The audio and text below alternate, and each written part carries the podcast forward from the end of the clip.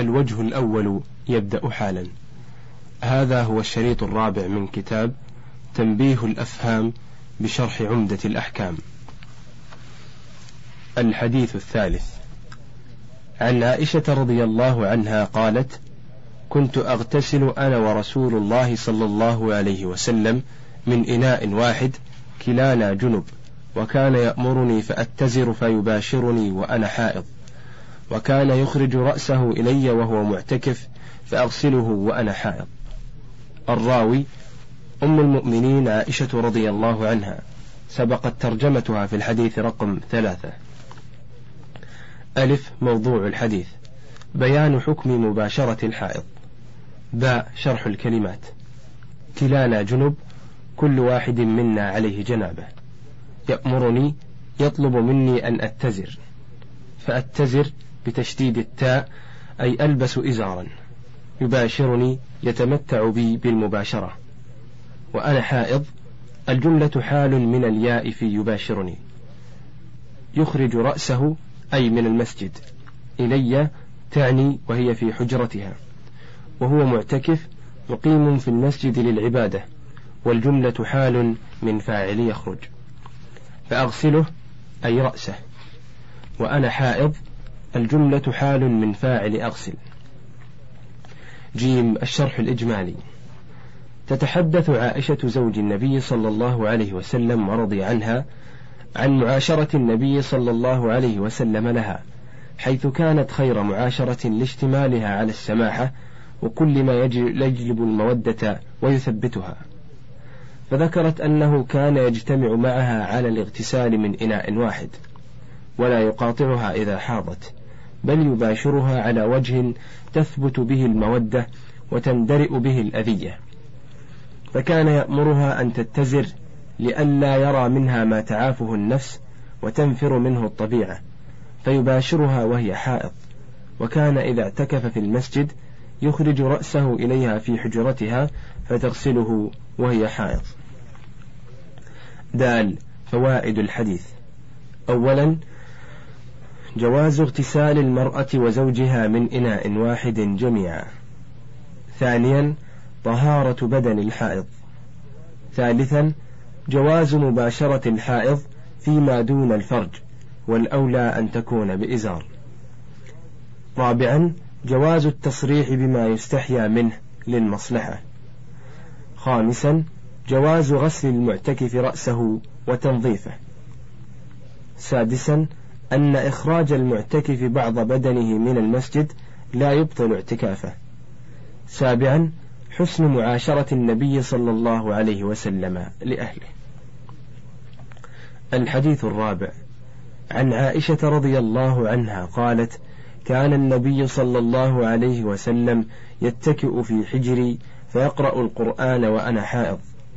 الراوي أم المؤمنين عائشة رضي الله عنها. سبقت ترجمتها في الحديث رقم ثلاثة. ألف موضوع الحديث. بيان حكم قراءة القرآن عند الحائض وفي حجرها. باء شرح الكلمات. يتكئ يعتمد. إما على يده أو على رجل عائشة. حجري بفتح الحاء وكسرها وضمها حضني. وأنا حائض الجملة حال من الياء في حجري. جيم الشرح الإجمالي تحدث أم المؤمنين عائشة رضي الله عنها بما يدل على حسن خلق النبي صلى الله عليه وسلم ومعاشرته لأهله حيث كان صلى الله عليه وسلم يتكئ في حجرها وهي حائض فيقرأ القرآن فتستفيد من قراءته ثوابا وعلما وتكسب من اتكائه زيادة في المحبة والحنان. دال فوائد الحديث أولا حسن خلق النبي صلى الله عليه وسلم ومعاشرته لأهله. ثانيا جواز اتكاء الرجل في حجر زوجته. ثالثا جواز قراءة القرآن في حجر الحائض وعندها واستماعها له. الحديث الخامس عن معاذة قالت: سألت عائشة رضي الله عنها فقلت: ما بال الحائض تقضي الصوم ولا تقضي الصلاة؟ فقال فقالت: أحرورية أنت؟ فقلت لست بحرورية ولكني أسأل. فقالت كان يصيبنا ذلك فنؤمر بقضاء الصوم ولا نؤمر بقضاء الصلاة. الراوي معاذة بنت عبد الله العدوية امرأة صلة بن أشيم رحمه الله رحمه الله ثقة فقيهة من التابعين ماتت سنة ثمانين. ألف موضوع الحديث. بيان حكم قضاء الحائض الصوم والصلاة. باء شرح الكلمات. عائشة سبقت ترجمتها في الحديث رقم ثلاثة. ما بال الحائض ما شأن الحائض. تقضي الصوم تصوم الأيام التي تركت صيامها أيام الحيض. أحرورية أنت الهمزة للاستفهام والمراد به الإنكار. والحرورية نسبة إلى حروراء قرية في العراق قرب الكوفة نزلت فيها أول فرقة خرجوا على أمير المؤمنين علي بن أبي طالب رضي الله عنه فنسب الخوارج إليها وكان من تشددهم في الدين ورأيهم الخاطئ أن الحائض تقضي الصلاة كالصوم. يصيبنا ذلك يصيبنا الحيض. نؤمر يأمرنا النبي صلى الله عليه وسلم. جيم الشرح الإجمالي. كانت معاذة العدوية رحمه رحمها الله من الفقيهات من نساء التابعين. فأحبت أن تعرف الحكمة من كون الحائض وهي تترك الصلاة والصيام ثم تقضي الصيام ولا تقضي الصلاة وهي أوكد منه.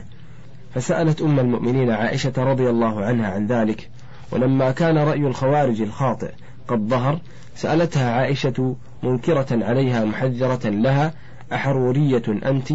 فبينت معاذة أنها ليست من الخوارج ولكنها تسأل سؤال مسترشد فأجابتها عائشة بما يقنع به كل مؤمن وهو أن ذلك مقتضى السنة حيث كان الحيض يصيب النساء في عهد النبي صلى الله عليه وسلم فيأمرهن بقضاء الصوم ولا يأمرهن بقضاء الصلاة ولولا أن ثمة حكمة تقضي بالفرق بينهما ما فرقت السنة بينهما.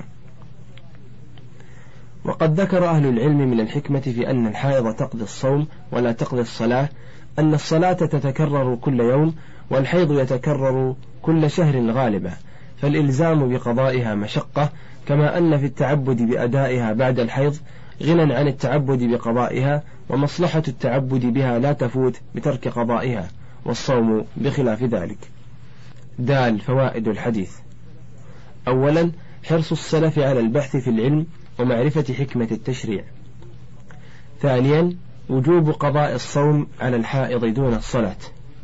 ثالثا الاكتفاء بذكر الدليل الشرعي عن ذكر الحكمة لأن المؤمن يقتنع به حيث إن الشرع متضمن للحكمة بكل حال. رابعا أن ترك الأمر بالشيء مع وجود مقتضيه دليل على عدم وجوبه. كتاب الصلاة. الصلاة في اللغة الدعاء وفي الشرع عبادة ذات أقوال وأفعال معلومة أولها التكبير وآخرها التسليم. وهي ثاني أركان الإسلام وأهمها بعد الشهادتين ويدل على أهميتها أن الله تعالى فرضها على رسوله محمد صلى الله عليه وسلم منه إليه بدون واسطة وهو فوق السماوات السبع ليلة المعراج. وكان ذلك قبل الهجرة بنحو ثلاث سنين على المشهور. فرضها الله خمسين صلاة حتى استقرت الفريضة خمس صلوات في اليوم والليلة. وكان يصليها ركعتين ركعتين إلا المغرب فثلاث ركعات ليوتر بها صلاة النهار. فلما هاجر إلى المدينة بقيت الركعتان للمسافر وزادت صلاة المقيم إلى أربع ركعات إلا الفجر فبقيت ركعتين لطول القراءة فيها. باب المواقيت. المواقيت جمع ميقات وهو الزمن المحدد لأداء الصلاة فيه. والأوقات خمسة لمن لا يجمع لكل صلاة وقت خاص. وثلاثة لمن يجمع لاندماج وقت العصر في وقت الظهر ووقت العشاء الآخرة في وقت المغرب. وبدأ المؤلف بالمواقيت لأنها أهم شروط الصلاة. الحديث الأول عن أبي عمرو الشيباني واسمه سعد بن إياس قال حدثني صاحب هذه الدار وأشار بيده إلى دار عبد الله بن مسعود رضي الله عنه قال سألت النبي صلى الله عليه وسلم أي العمل أحب إلى الله؟ قال الصلاة على وقتها. قلت ثم أي؟ قال بر الوالدين. قلت ثم أي؟ قال الجهاد في سبيل الله. قال حدثني بهن رسول الله صلى الله عليه وسلم ولو استزدته لزادني. الراويان. أولا أبو عمرو الشيباني سعد بن إياس رحمه الله. أسلم في حياة النبي صلى الله عليه وسلم ولم يجتمع به. قدم المدينة بعد وفاة النبي صلى الله عليه وسلم. ثقة نزل الكوفة ومات فيها سنة ست وتسعين. ثانيا عبد الله بن مسعود بن غافل ابن حبيب الهذلي رضي الله عنه. كان سادس رجل في الإسلام وهاجر الهجرتين وقال له النبي صلى الله عليه وسلم إنك لغلام معلم. وقال من سره أن يقرأ القرآن غضا كما نزل فليقرأه بقراءة ابن أم عبد يعني عبد الله بن مسعود. كان ممن يخدم النبي صلى الله عليه وسلم وهو صاحب سواكه ونعله ووساديه. قال حذيفة رضي الله عنه ما أعرف أحدا أقرب سمتا وهديا ودلا بالنبي صلى الله عليه وسلم من ابن مسعود. شهد غزوة بدر وما بعدها وأجهز على ابي جهل في بدر واحتز رأسه فجاء به إلى النبي صلى الله عليه وسلم. تولى القضاء وبيت المال في الكوفة على عهد عمر رضي الله عنه. وصدرا من خلافة عثمان رضي الله عنه ثم دعاه إلى المدينة ومات فيها سنة اثنتين وثلاثين. ألف موضوع الحديث. بيان أحب الأعمال إلى الله تعالى. باء شرح الكلمات. صاحب هذه الدار هو عبد الله ابن مسعود والمراد داره في الكوفة وأشار إليها إما لأن عبد الله حدثه فيها أو لمناسبة مروره من عندها أو لشهرة تلك الدار لكثرة من يرتادها للعلم أو للإشارة إلى ضبطه الحديث. أي العمل؟ أي الأعمال البدنية الظاهرة. أحب إلى الله أشد حبا إليه. على وقتها على الوقت المطلوب فعلها فيه. ثم أي؟ أي ثم أي العمل أفضل بعد الصلاة على وقتها؟ بر الوالدين الأم والأب. والبر كثرة الإحسان بكل نوع من أنواع الإحسان. الجهاد في سبيل الله بذل الجهد في قتال أعداء الله لتكون كلمة الله هي العليا. استزدته طلبت الزيادة منه. جيم الشرح الإجمالي. في هذا الحديث يخبر عبد الله بن مسعود رضي الله عنه أنه سأل النبي صلى الله عليه وسلم عن أحب الأعمال إلى الله عز وجل ليتبع ما هو أحب إلى الله ويقدمه على غيره.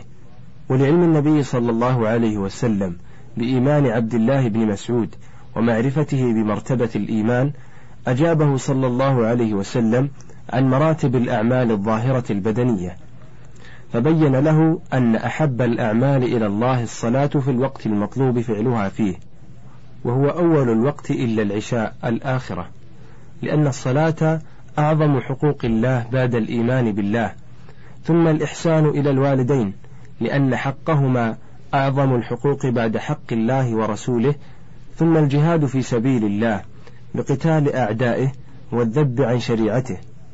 ثم بين عبد الله بن مسعود أنه لو طلب من النبي صلى الله عليه وسلم زيادة بيان مراتب الأعمال لزاده ولكن ترك ذلك خوف السآمة والملل بالزيادة على الثلاث. دال فوائد الحديث. أولا حرص الصحابة رضي الله عنهم على العلم وطلب الفضائل. ثانيا فضيلة الصلاة في وقتها المطلوب فعلها فيه وأنها أحب الأعمال إلى الله تعالى. ثالثا أن بر الوالدين أفضل من الجهاد في سبيل الله تعالى. رابعا فضيلة الجهاد في سبيل الله. خامسا أن الله تعالى يحب الأعمال الصالحة وبعضها أحب إليه من بعض. الحديث الثاني.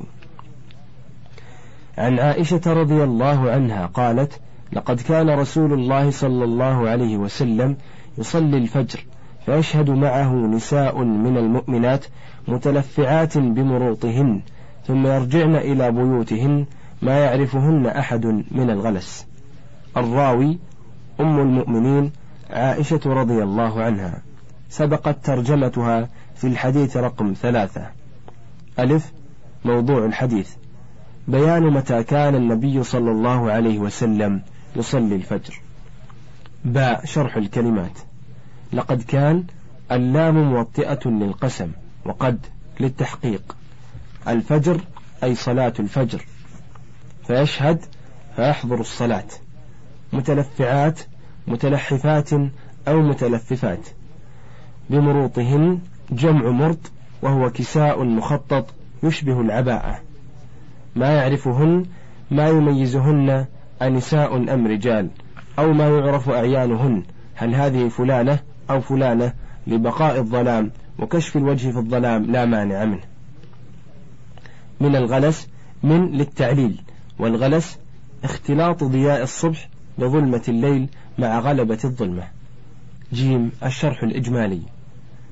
تحدث عائشة رضي الله عنها مبينة متى كان النبي صلى الله عليه وسلم يصلي الفجر. فتؤكد أنها أنه كان يصليها بغلس مبكرة حتى إن النساء اللاتي يحضرن الصلاة معه يرجعن إلى بيوتهن متلفعات بمروطهن ما يعرفهن أحد من الغلس لبقاء الظلام. دال فوائد الحديث. أولا المبادرة بصلاة الفجر في أول وقتها. ثانيا جواز حضور النساء في صلاة الفجر مع الجماعة بشرط أمن الفتنة. ثالثا مبادرة النساء بالرجوع إلى بيوتهن في الغلس. رابعا أن المرأة إذا خرجت تتلفف بمرتها لأنه أستر لها. الحديث الثالث.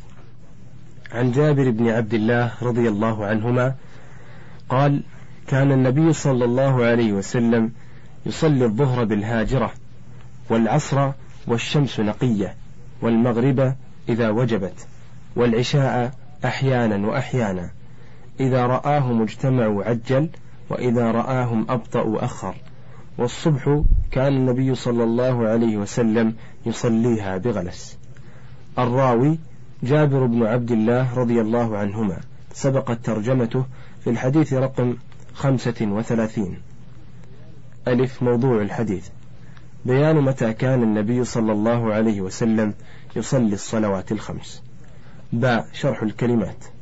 كان سبق الكلام عليها في الحديث رقم تسعة. يصلي الظهر أي يصلي صلاة الظهر. بالهاجرة الباء بمعنى في فهي للظرفية. والهاجرة شدة الحر عند منتصف النهار بعد الزوال. والعصر بالنصب عطفا على الظهر أي ويصلي صلاة العصر. والشمس نقية صافية لم تصفر والجملة حال من فاعل يصلي. والمغرب بالنصب عطفا على الظهر أي ويصلي صلاة المغرب إذا وجبت إذا غربت أي الشمس. والعشاء بالنصب عطفا على الظهر. أي ويصلي صلاة العشاء. أحيانا وأحيانا جمع حين بمعنى وقت وهما منصوبان على الظرفية بفعل محذوف. والتقدير أحيانا يعجل وأحيانا يؤخر. ثم فصل فقال إذا رآهم أي الجماعة اجتمعوا عجل وإذا رآهم أبطأوا أخر.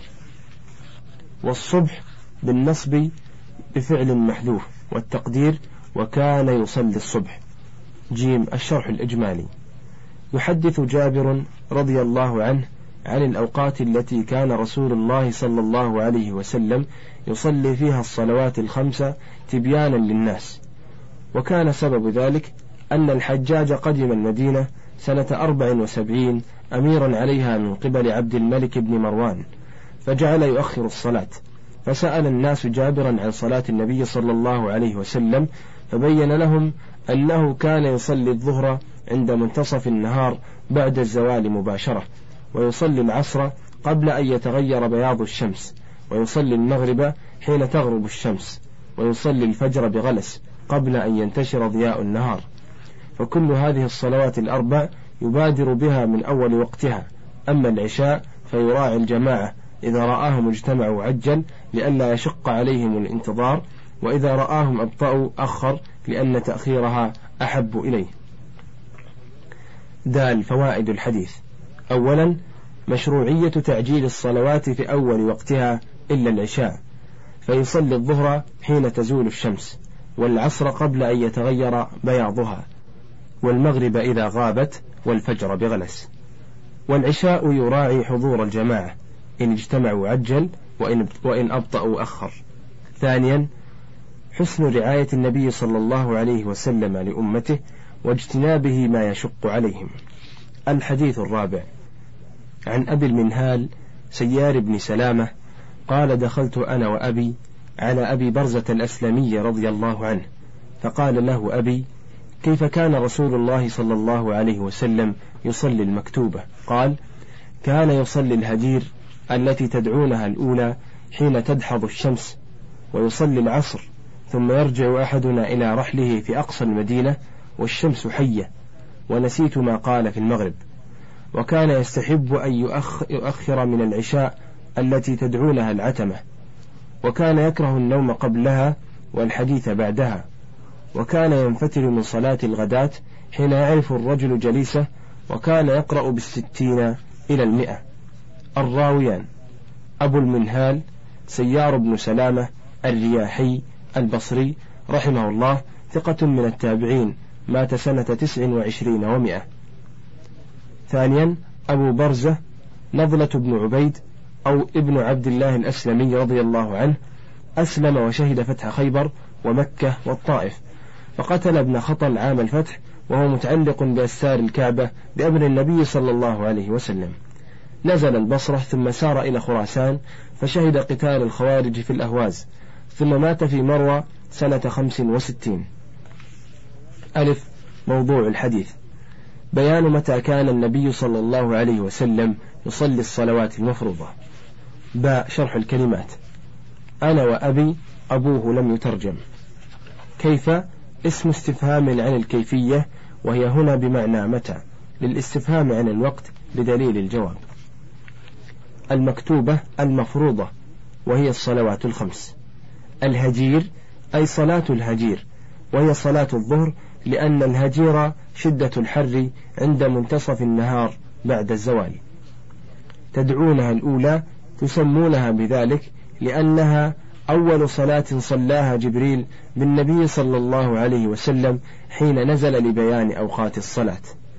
تدحض الشمس تزول والزوال ميل الشمس إلى جهة المغرب بعد توسطها في السماء.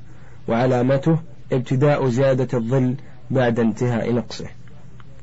إلى رحله إلى منزله في أقصى المدينة أبعدها والشمس حية صافية حارة والجملة حال من فاعل يرجع.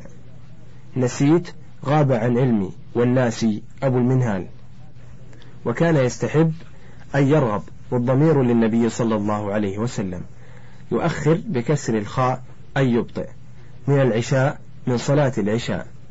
العتمة قال في القاموس هي ثلث الليل الأول بعد غيبوبة الشفق والمراد بها هنا صلاة العشاء لأنها تكون في هذا الوقت فسميت به. يكره يبغض. الحديث التحدث ينفتل ينصرف. صلاة الغداة صلاة الفجر والغداة أول النهار. يعرف الرجل جليسه يدري من مجالسه. وكان يقرأ أي في صلاة الغداة بالستين إلى المئة أي من الآيات. جيم الشرح الإجمالي. كان التابعون رحمهم الله يتساءلون متى كان النبي صلى الله عليه وسلم يصلي الصلوات الخمسة ولعل سبب ذلك أن بعض الأمراء كانوا في ذلك الوقت يؤخرونها. وفي هذا الحديث كان السؤال لأبي برزة الأسلمي رضي الله عنه من سلامة الرياحي. أحد التابعين يسأله متى كان النبي صلى الله عليه وسلم يصلي الصلوات المفروضة. فبين رضي الله عنه أن النبي صلى الله عليه وسلم كان يصلي الظهر حين تزول الشمس ويبادر بصلاة العصر حتى إن الرجل ليرجع إلى منزله في أقصى المدينة والشمس لم تزل تحتفظ بضوئها وحرارتها. وبين متى يصلي المغرب لكن نسي أبو المنهال. ولم يفصح أبو برزة متى كان يصلي العشاء ولكنه بين أنه كان يرغب في تأخيرها. وأما صلاة الفجر فكان يبكر بها حتى إنه ينصرف منها حين يميز الرجل جليسه فقط مع أنه كان يطيل القراءة فيها حيث يقرأ بستين آية إلى مئة آية. وقد استطرد أبو برزة رضي الله عنه في الحديث فذكر أن النبي صلى الله عليه وسلم كان يكره النوم قبل صلاة العشاء لأنه إن استغرق فيه فاتته الصلاة وإن قطعه قام وهو كسلان. ويكره التحدث بعدها لأنه قد يفضي إلى السهر الضار بالجسم المعوق عن صلاة الفجر وقيام الليل. دال فوائد الحديث. أولا حرص السلف على معرفة السنة من أجل اتباعها. ثانيا مشروعية المبادرة في صلاة الظهر والعصر والفجر من أول الوقت. ثالثا مشروعية التأخير في صلاة العشاء. رابعا مشروعية تطويل القراءة في صلاة الفجر. خامسا كراهية النوم قبل صلاة العشاء والتحدث بعدها. سادسا أن الأولى تسمية الشيء الشرعي باسمه الوارد فيه لئلا يهجر فيجهل ثم يوضح بالاسم المشهور بين الناس. الحديث الخامس.